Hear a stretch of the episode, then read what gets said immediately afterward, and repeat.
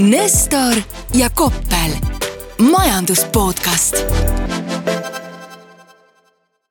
tere taas kuulama SEB majandus podcasti äh, Nestor ja Koppel.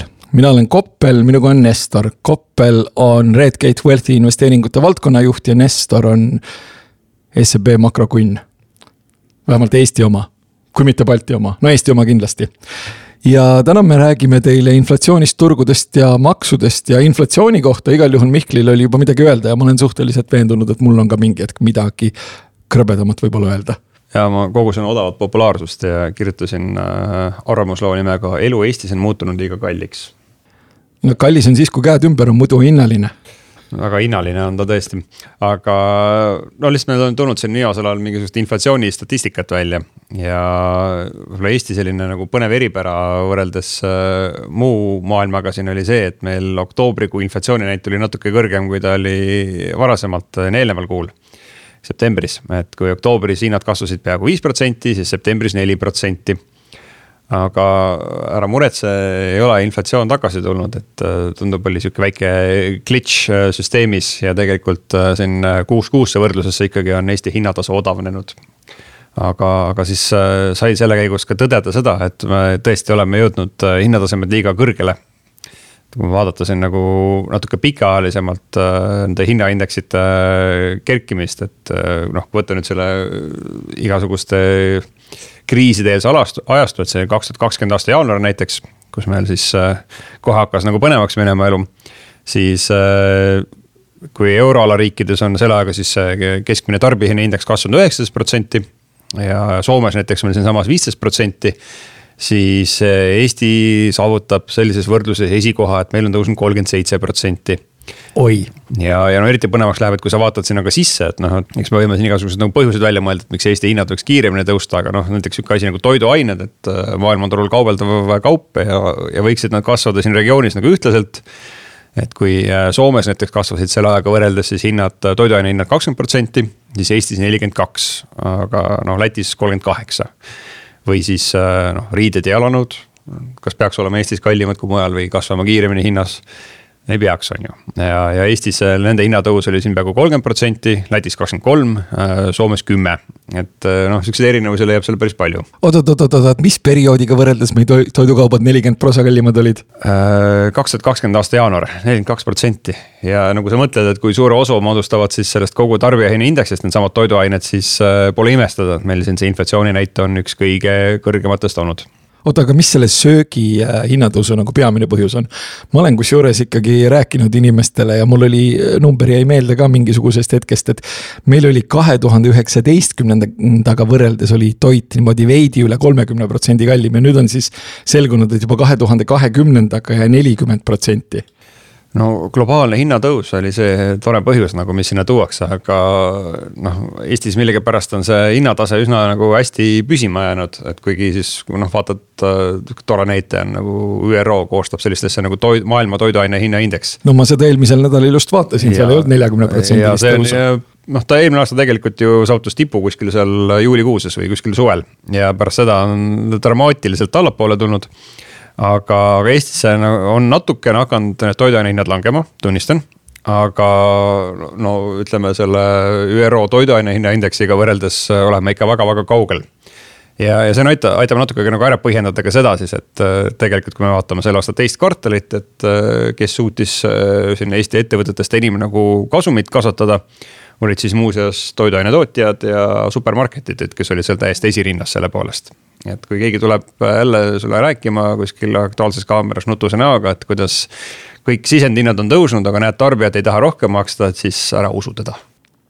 No paistab, et maksavad küll, aga no samas äh, tahaks kuulda, mida jaekauplejad räägivad sellest, et mida neil äh, siis äh, rohkem ostetakse, et siin üks selline discounter tüüpi jaekaup kaupleja juba rääkis äh, võib-olla seal suve lõpus, kuidas äh, tema poodides võib-olla veidikene on käive langenud ja oluliselt rohkem ostetakse mingisugust sellist kraami, mis on nagu märkimisväärselt odavam aga teistelt ei ole nagu midagi kuulda olnud ja kui ma nüüd sellele neljakümnele protsendile mõtlen, siis mul hakkab ausalt öeldes küll endast kahju, aga veel rohkem hakkab mul kahju nendest inimestest, kes ma ei tea, maksavad eluasemelaenu ja kasvatavad kolme kasvavat last. ehk siis äh, intressimäär on üleval ja toidu hind on üleval ja lapsed tahavad süüa, et see vist ei ole nagu kõige sellisem. ma arvan, et kusjuures need, kes kodulaenu maksavad, on veel ütleme suhteliselt jõukad, aga eelkõige see, ma arvan, on probleem nende jaoks, kes, kes, kel pole ka raha, et kodulaenu võtta. ja nad peamiselt kulutavad, kes sellele, et enam-vähem tuba soe hoida ja, ja süüa osta. ja kui see vähenegi, mis nad endale lubada saavad, läheb see nelikümmend protsenti kallimaks, siis inimesed üldiselt ei ole väga rahul. ilmselt küll jah, sellepärast et kuidas see oli, et keskklass on see, kes ei ela mitte peost suhu, vaid elab poest suhu. Ja kui nüüd poest suhu elamine tõesti nelikümmend prossa kallim on, mitte nagu kõige pikema perioodi jooksul, siis no see võtab konkreetselt ohkama, aga mis selle, mis selle Eesti siis nii-öelda toiduainete hindade äh, nagu suhteliselt suurema tõusuga, seal on mingisugune nagu selline mahlane juurpõhjus. ma arvan, et see on nagu sihuke laiem fenomen, et äh, jube hästi läks eelmine aasta tegelikult, noh, oli majanduslangus väidetavalt, aga kui sa vaatad on ju nominaalset sissetulekute kasvu, siis äh, ma arvan, et oligi võimalik väga lihtsasti neid hindasid äh, kergitada ja keegi nagu väga palju ei virisenud. Või no isegi kui virises, poodi läks ikka ja ostis jah, tõepoolest, sellepärast et äh, noh, kui keegi hakkab siin rääkima mingisugusest sellest äh, ahnusinflatsioonist, siis ju tuleb ikkagi mõelda nagu ka sellele, et esiteks kontekst ja taust oli juba inflatsiooniline ja teine, ja teine asi on see, et tarbijad ju ikkagi maksid seda hinda, ehk siis. Äh, noh, toimus kahe osapoole vahel arusaadav ja tehing, mis oli vabatahtlik. Vabatahtlikult andsid inimesed oma raha ära aga mujal Euroopas nagu mulle tundub, et tahaks jälle Peetri sihukest äh, arvamust siia juurde, et äh, sa oled alati olnud sihuke väga skeptiline, et inflatsioon alla läheb, aga euroala oktoobri inflatsiooninäit oli juba, hakkas vähemalt õige numbriga. Äh, mida keskpank ka taotleb, et siis kaks koma üheksa protsenti.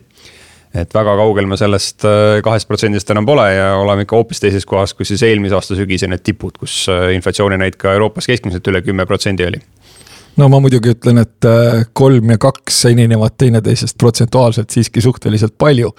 Äh, mitte küll protsendipunktide kontekstis, aga see selleks, äh, noh, minu arusaam on selle inflatsiooni kohta umbes Euroopas selline, et kuna Euroopa majandus ei ole eriti eriti tugev, olgem nüüd ausad, ja kuna, kuna Saksamaa ei ole eriti tugev ja kuna seal käib selline väikene deindustrialiseerumine ja. ja, ja mingisugust plaani ei ole, kuidas sellest välja tulla, välja arvatud, et tahetakse mingisugust. ma ei tea, konkurentsivõimet hakata pare-, parandama hiiglasliku stiilis konkurentsiministeeriumi loomisega. et äh, ilmselt majandus saab olema nõrguke ja ilmselt äh, tuuakse intresse natukene alla. ja siis, kui intresse tuuakse natukene alla, siis äkki läheb jälle inflatsioon korralikult nii-öelda. ja siis Euroopas on samaaegselt jälle veidikene nõrka majandust ja kõrget inflatsiooni ühel hetkel. ega nad seda enne sealt alla ei too, kui on ikkagi tekkinud veendumus, et see kaks protsenti on nagu paigas ei no selles mõttes, et võib-olla nad selle saavadki korraks nagu sinna kahe protsendi juurde. no aga siis läheb uus ralli pihta jah? sellepärast et äh, ma ei tea, kas me eelmine kord sellest vist ei rääkinud, aga kuidas ütles maailma suurima panga juht, kes üldiselt äh, valib oma sõnu.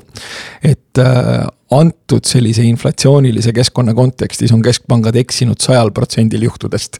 ehk siis kõik suured keskpangad on täiesti mööda pannud nii selle osas, kas inflatsioon tuleb, kaua ta kestab, kui suur ta on ja kas me nüüd eeldame, et äh, nad äkki panevad täppi see on selline, kuidas nüüd öelda, see on see äh, ruletimäng ja võltseeldus. ruletimängija arvab, et kui on hästi palju punast nagu järjest tulnud, et siis äh, musta tulemise tõenäosus kasvab. ei, paraku on see absoluutselt ruleti keerutamisel iga kord täpselt sama suur. see siis tähendab seda, et ma nüüd hakkan mõtlema, et siis, et see, et nüüd keskpankadel on olnud punane, punane, punane, punane, punane, punane, et nüüd tuleb must, noh vaatame no sa vähemalt muretsesid siin kodulaenuvõtjate pärast, et nende elu võiks ju paremaks minna, et siin äh, minu tööandja ennustab, et äh, hoiusintressimäär keskpangas, mis siis võiks olla üsna lähedane selle Euriborile, et see on järgmise aasta lõpus juba kolm koma kakskümmend viis praeguse nelja asemel. ja aasta kaks tuhat kakskümmend viis siis juba kaks ja pool protsenti, et isegi Peeter Koppel võib-olla ostab siis endale kodu lõpuks äh ei tea ja sellega noh, turg tegelikult eeldab põhimõtteliselt sama. et järgmisel aastal samal ajal äh, kuskil kolm või natukene veidikene üle võiks olla keskpanga suunav intressimäär. ja see on ikkagi päris äh, jupi äh, madalam kui, kui praegu. ja kui see muidugi tõeks osutuks, see siis ju tegelikult tähendaks seda, et noh, kuidas nüüd öelda, kvaliteetsete võlakirjade pealt näiteks oleks võimalik teenida kapitalikasu nagu sellises koguses, mis võib-olla tekitaks mõnusa, mõnusa tunde ja võib-olla isegi väikese aplausi aga mulle meeldib, et praegu on kuidagi, kui sa loed mingisugust Financial Timesi, siis kõigil on tekkinud selline nagu sajaprotsendiline veendumus, et nüüd on intressimäärad tulnud selleks, et jääda, et enam nad siit mitte kunagi allapoole ei lähe kuhugi mingitele ülimadalatele tasemetele, et. mul on küll sihuke tunne, et uh, hold my beer, et uh, jumala eest, et see on, meil on siin viimased aastad minu arust peaks tegema inimesed nagu suhteliselt alandlikuks selliste seisukohtade väljaütlemisel. ei, selles mõttes, et see alandlikkus, arvestades sellega, et mingid investorid said pikaajalise riigivõlaga eelmisel aastal uh, kakskümmend protsenti vastu vahtimist vist, et see ilmselt võiks alandlikkust suurendada. aga paistab, et ei ole suurendanud ja, aga selle juures on üks asi minu meelest erakordselt tähtis, erakordselt tähtis on see, et kui me ikkagi nüüd võtame selle euroala, mis mulle hirmsamal kombel jutumärkides meeldib siis ega see euroala nüüd ei saa hakkama nüüd väga pikalt küll mingite positiivsete reaalintressidega. mis siis ikkagi tähendab seda, et ilmselt neid intresse tuuakse, tuuakse ka allapoole. aga see loomulikult ei tähenda teisest küljest jälle seda, et meil ühel hetkel intressid äh, nullis on. et põhimõtteliselt, kui nad on ka kaks pool või kolm, siis see kaks pool või kolm on ikkagi selgelt midagi muud kui null. ja seal kahe poole ja kolme juures ei ole neil ka võib-olla liiga suur probleem olla. Oh jah, no eks me näeme, mis see tulevik on, aga sa tahtsid äh, täna kindlasti rääkida sellest, et aktsiaturgudel läheb järjest äh, paremini, et me seda küll äsja tegelikult käsitlesime, aga, aga no ma vaatan ka, et äh, ralli nagu on suhteliselt edasi kestnud täna SB viissada umbes viisteist protsenti, siis, siis aasta algusega võrreldes, et äh, ei ole nagu paha, aga seal. seal sees ei ole vist väga midagi muutunud, et see, mis see põhjus on, on ikkagi see, et äh, paar üksikut aktsiat nagu rallivad ja ülejäänud kukuvad noh, ei saa öelda, et need ülejäänud nüüd niimoodi otseselt kukuks, aga seal on väga huvitav äh, asi juhtunud, huvitav asi oli see, et majandustulemused, kasummid ja eeldati, et kasumid võiksid nüüd siis nii-öelda langeda või olla siis nullis enam-vähem. ja kui kasumid veidikene langevad, see on mingisugune, mis, mis see nii-öelda plaan või, või, või, või konsensus oli, et noh, langevad kuskil null koma kolm protsenti. aga suslikud hoopis tõusid ja mis sa arvad, kui palju? noh kümme mitte nii palju, neli. aga neli võrreldes, neli võrreldes nulliga on ikkagi nagu päris või miinus null koma kolmega on ikkagi päris hea. ja see nii-öelda kasumi kasv ongi tekitanud sellise tunde, et oot-oot-oot-oot, poisid äh, võib-olla ei olegi kõige hullem. ja teine asi, mille kohta siis leitakse, et võib-olla pole kõige hullem, on see, et kiputakse hästi rääkima sellisest äh, majanduse pehmest maandumisest ja et kui majandus pehmelt maandub, siis ei ole olukord kõige hullem ja võib-olla järgmine aasta isegi kasumid kasvavad natukene edasi. mitte just eriti kiires tempos, aga äkki, äkki siiski kasvavad. ja see on siis loonud sellise konteksti, kus noh, ja aasta lõpp ka. noh, detsember enamustel juhtudel kipub olema positiivne kuu. ja see on tekitanud sellise konteksti, kus siis vaadataksegi, et pole nüüd aktsiaturgude olukord kõige hullem midagi ja mis veel võib-olla on äh, noh, selles mõttes, äh, selles mõttes huvitav, et äh, ikkagi jälle see fookus, see fookus läheb väga selgelt sinna Ühendriikidesse ära. et Euroopa suhtes ollakse suhteliselt ükskõiksed ja arenevate turgude kontekstis ka eriti midagi ei leita. ja siis lõpuks, kui sinna Ühendriikidesse ära minnakse, siis leitakse ikkagi, et kõige tähtsamad ettevõtted on seitse vaprat ja siis üritatakse nende seitse vapraga moodel, moogeldada no samas nagu põnev lugu on see, et mul jäi kuskil silma, et äh, kui me räägime siis sellistest äh, suurtest rahavalitsejatest, siis äh, pensionifondid, igasugused investeerimisfondid. et nende investeeringud aktsiatesse tegelikult on nagu flat, et seal ei toimu mitte midagi, et noh, ei ole nagu otseselt, kui turgu vaadata kokkuvõttes, et ei ole nagu vähendatud oma siis noh, kindlasti keegi on vähendanud oma allokatsioone, aga noh, põhimõtteliselt, et see summa, mis seal püsib, on sama. aga, aga igal pool mujal kasvab ehk siis sihuke nagu nõudlust otseselt justkui selliste suurte tegelaste poolt ei ole, aga need hinnad ikkagi need tõusevad. jah, sellega oli nagu mingisugused, mäletad, kui me käisime mingisuguses huvitavas äh, kinnisvara podcast'is ja siis, kui veel kinnisvaraturul hästi läks, et see oli see klassikaline soovitus, et hoia sees ja ära liiguta aga ühte asja ma tahtsin kusjuures veel mainida selle Ühendriikidega seoses. ja selle nii-öelda minu, kuidas nüüd öelda, kasvava hiiglasliku skepsisega, seni juba hiiglasliku, kuid kap-, kasvava skepsisega Euroopa suhtes. ehk siis selline asi nagu turukapitalisatsioon kui selline, noh ütleme, mingisuguse ettevõtte või siis kasvõi kogu turu nii-öelda ettevõtete koguväärtus. ja mul on siin ees üks huvitav pilt ja see huvitav pilt on selline, et kogu Saksamaa aktsiaturu nii-öelda turuväärtus on poolteist triljonit või võime hakata kasutama väljendit trilli, poolteist trilli see on kogu Saksamaa aktsiaturu nii-öelda turuväärtus. samal ajal Apple on kaks koma üheksa trilli, Microsoft on kaks koma seitse trilli, Amazon on varsti üks koma viis trilli ja isegi Nvidia on üks koma kaks trilli. see näitab, et tegemist on õhulossidega ja seal ei ole tegelikku väärtust. see näitab, et üks äh, nii-öelda majandusregioon, mis põhimõtteliselt äh, integ-, üritati, mida üritati integreerida selleks, et mingilgi viisil konkureerida Ühendriikidega, on selles ülesandes masendavalt läbi kukkunud see ei näita mitte midagi muud. ja põhimõtteliselt tasapisi tekib selline tunne, et äh, Euroopa aktsiaturg, milleks selline asi üldse olemas on no, ja kes sinna peaks allokeerima? võrdlusele on ju siin kolme tehnoloogia aktsiat, et äh, mis, mis ei ole ka nagu turu mõttes adekvaatne minu meelest. et äh, kui me vaatame näiteks siin teisi aktsiaid kes on seal need ülejäänud nelisada üheksakümmend kolm tükki, eks.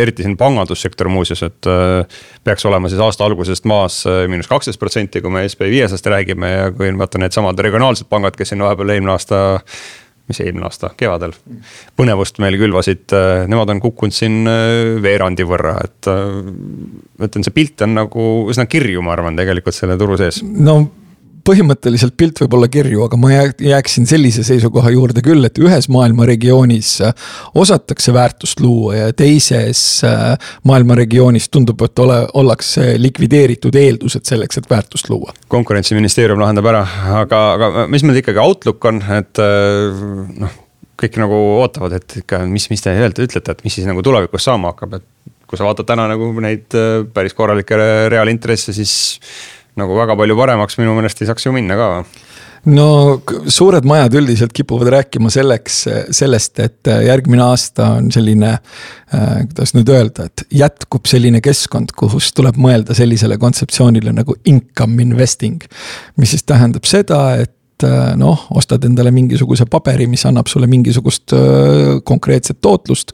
ja siis öö, äh, sellega, sellega elad, sellepärast et keegi eriti eriti äh, praegustelt tasemetelt mingisugust päris näiteks aktsiarallit ei, ei julge ennustada. teine asi, mis seda income investing ut võib-olla natukene ka toetab, on see mõte sellest, et intressid äkki on teinud, keskpankade suunavad intressid on äkki oma tipu ära teinud ja, ja, ja äkki liiguvad veidikene allapoole. mis siis võiks tekitada sellise olukorra, et võlakirjadelt, näiteks riigi võlakirjadelt või siis Äh, ütleme, kvaliteetsem korporatiivvõlg, et see tekitab sulle sellise olukorra, et sealt sa saad oma selle nii-öelda tootluse. pluss siis äh, võib-olla saad sealt seda kapitalikasukest, äh, kas, kapitalikasvukest ka natukene, kui siis intressitase veidikene alaneb.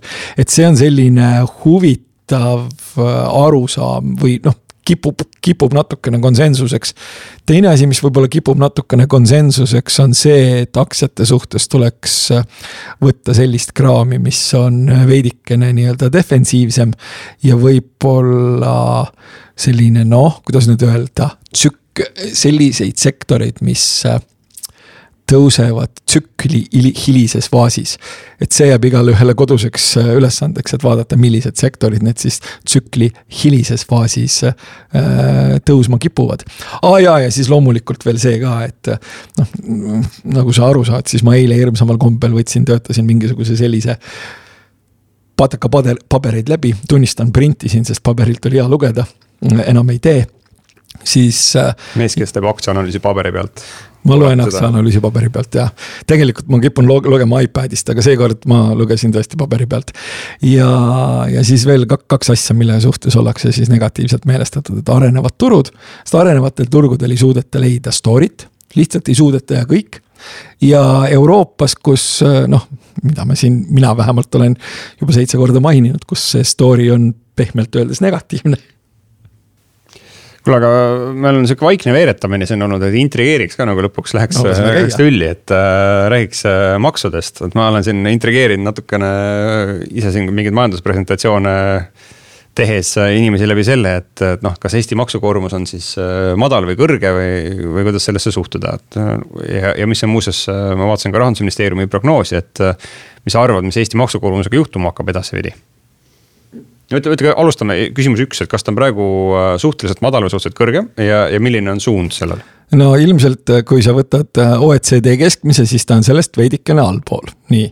aga see ei tähenda seda, et äh, ta oleks nagu hea konkurentsivõimega, hea konkurentsivõimega riikidega enam-vähem nagu samal tasemel. kuigi rahvusvahelises maksukonkurentsivõime edetabelis me oleme vist kogu aeg nagu esimene olnud. aga ma kujutan ette, et pahandusministeerium, tähendab rahandusministeerium võtab, prognoosib, et meie maksukoormus hakkab alanema nii ta ütleb jah, aga noh, pikaajalises plaanis mul on ka selles osas äh, teatav skepsis. aga jah, see tõesti OECD riikide lõikes juba me oleme seal OECD keskmisest natuke allpool, et äh, aasta kaks tuhat kakskümmend üks andmed vist on viimased, et kui siis OECD keskmine oli kolmkümmend neli, siis Eestil oli kolmkümmend kolm pool ja seejuures nagu peaks nagu meeles pidama ka seda, et kes sinna OECD-sse kuulub, et seal on igasugused päris põnevad riigid, kus ütleme nii, et kui jalaluu murrad, siis vaata ise ja koolihariduse saad siis, kui isal raha on et Euroopa riikide võrdluses me oleme kindlasti ühe kõige madalama maksukoormusega riik. aga jah, põnev on jah see, et äh, kui ütleme, rahandusministeerium siin äh, ütleb, et äh, see maksukoormus tulevikus alaneb, on ju, et noh. jah, ütleme tõesti nagu võtta see analüütiku perspektiivi sealt, vaadata nagu seaduseid, vaadata mingit prognoositavat majanduskasvu, ma isegi nagu nõustun sellega. aga ma siin hiljuti käisin ühe parempoolse maailmavaatega erakonna üritusel rääkimas siis noh, Eesti majandusest ja maksundusest.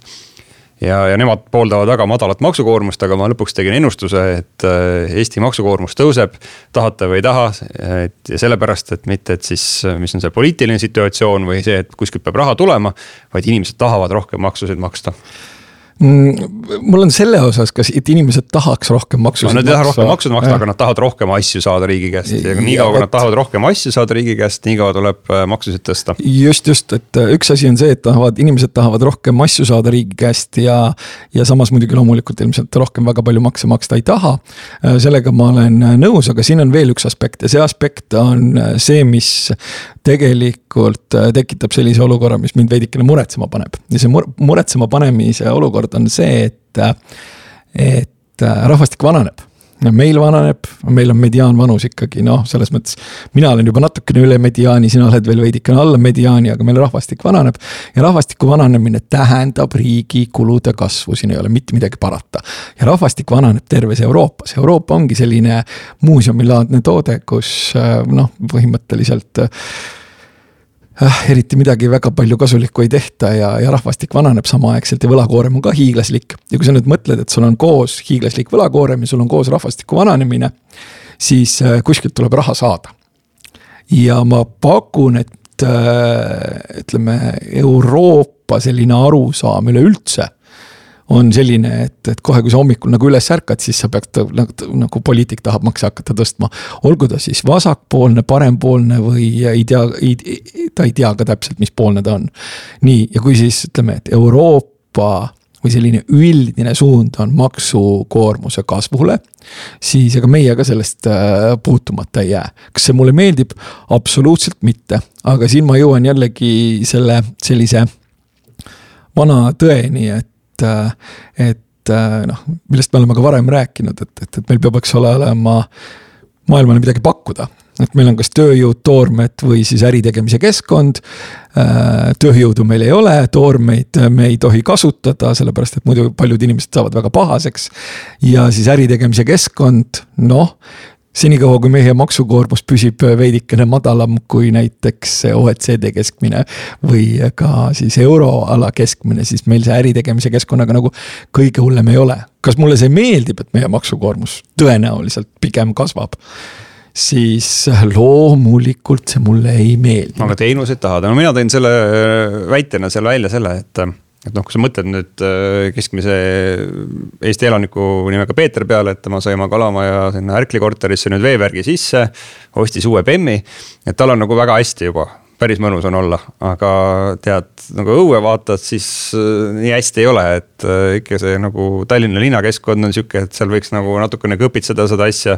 arsti juurde tahaks normaalsel ajal saada, noh, ma ei ole ka tegelikult ühtegi inimest nüüd peale peaministri kuulnud, kes ütleks, et õpetajate palk äh,, neil ei peaks seda praegu nii palju juurde panema, kui nad seda küsivad, et äh, kõik nagu tahavad rohkem saada. Ja noh, päeva lõpuks, äh, kui inimesed tahavad rohkem asju saada, ega poliitikud selle raha leiavad ja leiavad selle nendesamade inimeste taskust, ehk siis äh, see on, kõik on sihuke normaalne konvergents, äh, mis meil igal pool mujal majanduslikult toimub, eks see toimub ka nagu poliitikas jah, muidugi, mis puudutab selles, sellesse arsti juurde saamisesse, siis selles osas äh, olen mina suhteliselt negatiivselt meelestatud, ma olen äh, arvestades seda rahvastiku vananemist ja arvestades äh, sellist, seda juba praegust teatud alafinantseeringut. siis ma olen suhteliselt veendunud, et siin lähemate aastate lõikes kõik inimesed, kellel nagu mingitki raha natukenegi on Äh, ilmselt võtavad, kasutavad üha rohkem ja rohkem äh, erameditsiini, sellepärast et äh, neil ei ole lihtsalt seda, seda stressi vaja ja noh, ja see stress on põhimõtteliselt hiiglaslik ja see on dramaatiliselt parem, olukord võib olla dramaatiliselt parem kui mingisugusel hetkel, võrreldes mingisuguse varasema hetkega. aga kui me nüüd läheme siit edasi, siis no ei ole mitte mingisugust küsimust, et see süsteem on äh, alarahastatud ja kui süsteem on alarahastatud, siis on kaks võimalust, kas ist-, olla järjekorras või maksta. Need, kellel on raha, need hakkavad maksma ja need, kellel ei ole raha, need on üha pikemates järjekordades ja siis nad saavad suhteliselt pahaseks ole rahulik, sinna pannakse juurde, aga muuseas tead, millise maksu edetabeli me nüüd seoses äh, uue aasta käibemaksu tõusuga ilmselt ära võidame? meil on kõige kõrgemad tarbimismaksud äh, kuskil väga suures piirkonnas. üldse, üldse et äh, ja aastal kaks tuhat kakskümmend üks me olime juba siis äh, positsioonil number kolm, selle poolest, et kui suur osa siis üldse riigi tuludest tuleb tarbimismaksudest. meist eespool olid Läti ja Ungari.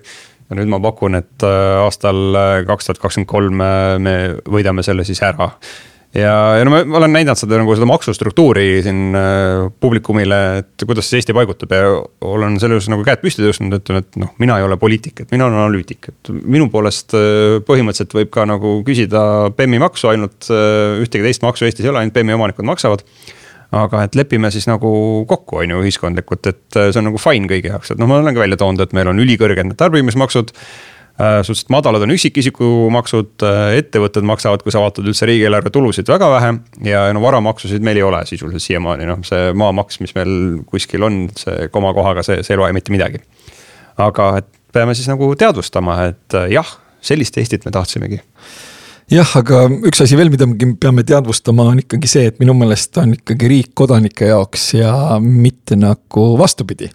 ehk siis see tähendab seda, et kui mingisugune maks ikkagi mingisuguseks kehtestamiseks läheb, et siis äkki ikkagi nagu. referendum või? põhiseadus ei luba seda. natukene ikkagi võiks nagu kodanikega arutada ka enne, kui, kui äh, keevitamiseks läheb. sellepärast, et äh, noh, kas noh, päris ei taha nagu sellist situatsiooni ka, et et teed Aktuaalse kaamera lahti ja siis äh, tead, et, et, et, et, et härrad ja prouad on jälle koos istunud ja kogu sinu äh, vara ja likviidsus on iga kord, kui nad koos istuvad nagu märkimisväärses ohus. et see situatsioon ei ole ka väga okei okay.. kuule, minul on küll okei okay., ma hea meelega delegeeriks äh, ka nüüd oma isiklikud probleemid nagu poliitikute ajad, et ma ei viitsiks nendega tegeleda, et kui ma peaks hakkama veel siin äh, kogu aeg nagu arvamust avaldama nagu Šveitsis selle üle, et kas ma tahan, et maksud natuke tõuseksid selleks, et õpetajatele makse ja maksta ja, ja veel taolised küsimused, no ma ei tea, kas ma jaksaks sellega tegeleda. ei no sina kindlasti jaksaks lõppkokkuvõttes, eriti kui sa oleks veel mobiilis, siis sa nagu hea meelega võtaksid.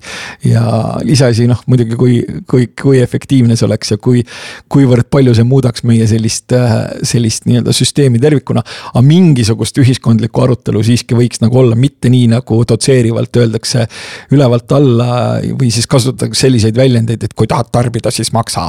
no nagu paluks natukene võib-olla mingisugust mõõdukat nagu respekti kodanike ja, ja, ja maksumaksjate suhtes. no ma ei tea, meil mingisuguseid kärajaid on olnud siin, äh, kus äh, igasugused ühiskonnategelased tulevad kokku ja arvavad, ma kahtlen natuke. no ühiskonnategelastega on meil selline lugu, et nad kipuvad arvama väga sageli väga kummalisel viisil. et ja mina ütleksin, et ka, ka. sealhulgas ka meie muidugi äh,, ütleme kohe ära. noh, meie, no vaata, kas sa oled mingitel kärajatel käinud või? Ma ei ole seda tüüpi tüdruk. jah, ma kahtlustan, et mind ei ole kutsutud, sellepärast kardetakse, et ma hakkan kärama. mul ei ole küll plaanis kusjuures olnud, aga kardetakse, et ma hakkan kärama, no ja ma ei ole ka eriti ära, eriti kuskil äh, käia saanud, aga, aga siiski, et kui sa mõtled nagu kontseptsioonile, et kuskil on kära, et kus on ühiskonnategelased, siis need ühiskonnategelased ilmselt kõik võtavad kätte ja noogutavad, et kuidas äh, tuleb Äh, makse igal juhul, igal juhul tuleb tõsta ja siis niimoodi saab sidusama ja võrdsema ühiskonna. kusjuures neil ei ole mitte mingisugust õiget arusaama sellest, et mis see sidusus, võrdsus on ja kuidas äh, üldiselt noh, maksud peavad olema ka sellised, mida inimesed nagu tahavad maksta. sest vastasel korral nad hakkavad seda optimeerima ja siis tuleb mängu selline fantastiline nagu joonis nimega Lafaire'i kõver. millega võiksid kõik ühiskonnategelased tutvuda kõigepealt, enne kui nad maksude kohta midagi prääksuvad oi, mul on ka nii palju öelda, aga ma igaks juhuks äh, ütlen, et paneme selle mikrofoni ennem kinni, kui ma seda ütlema hakkan ja, ja lõpetame tänaseks podcast'i ja kohtume uuesti kahe nädala pärast. Kütke hästi ja mingu teil investeeringutega ka hästi, eks, head aega. Nestor ja Koppel, majandus podcast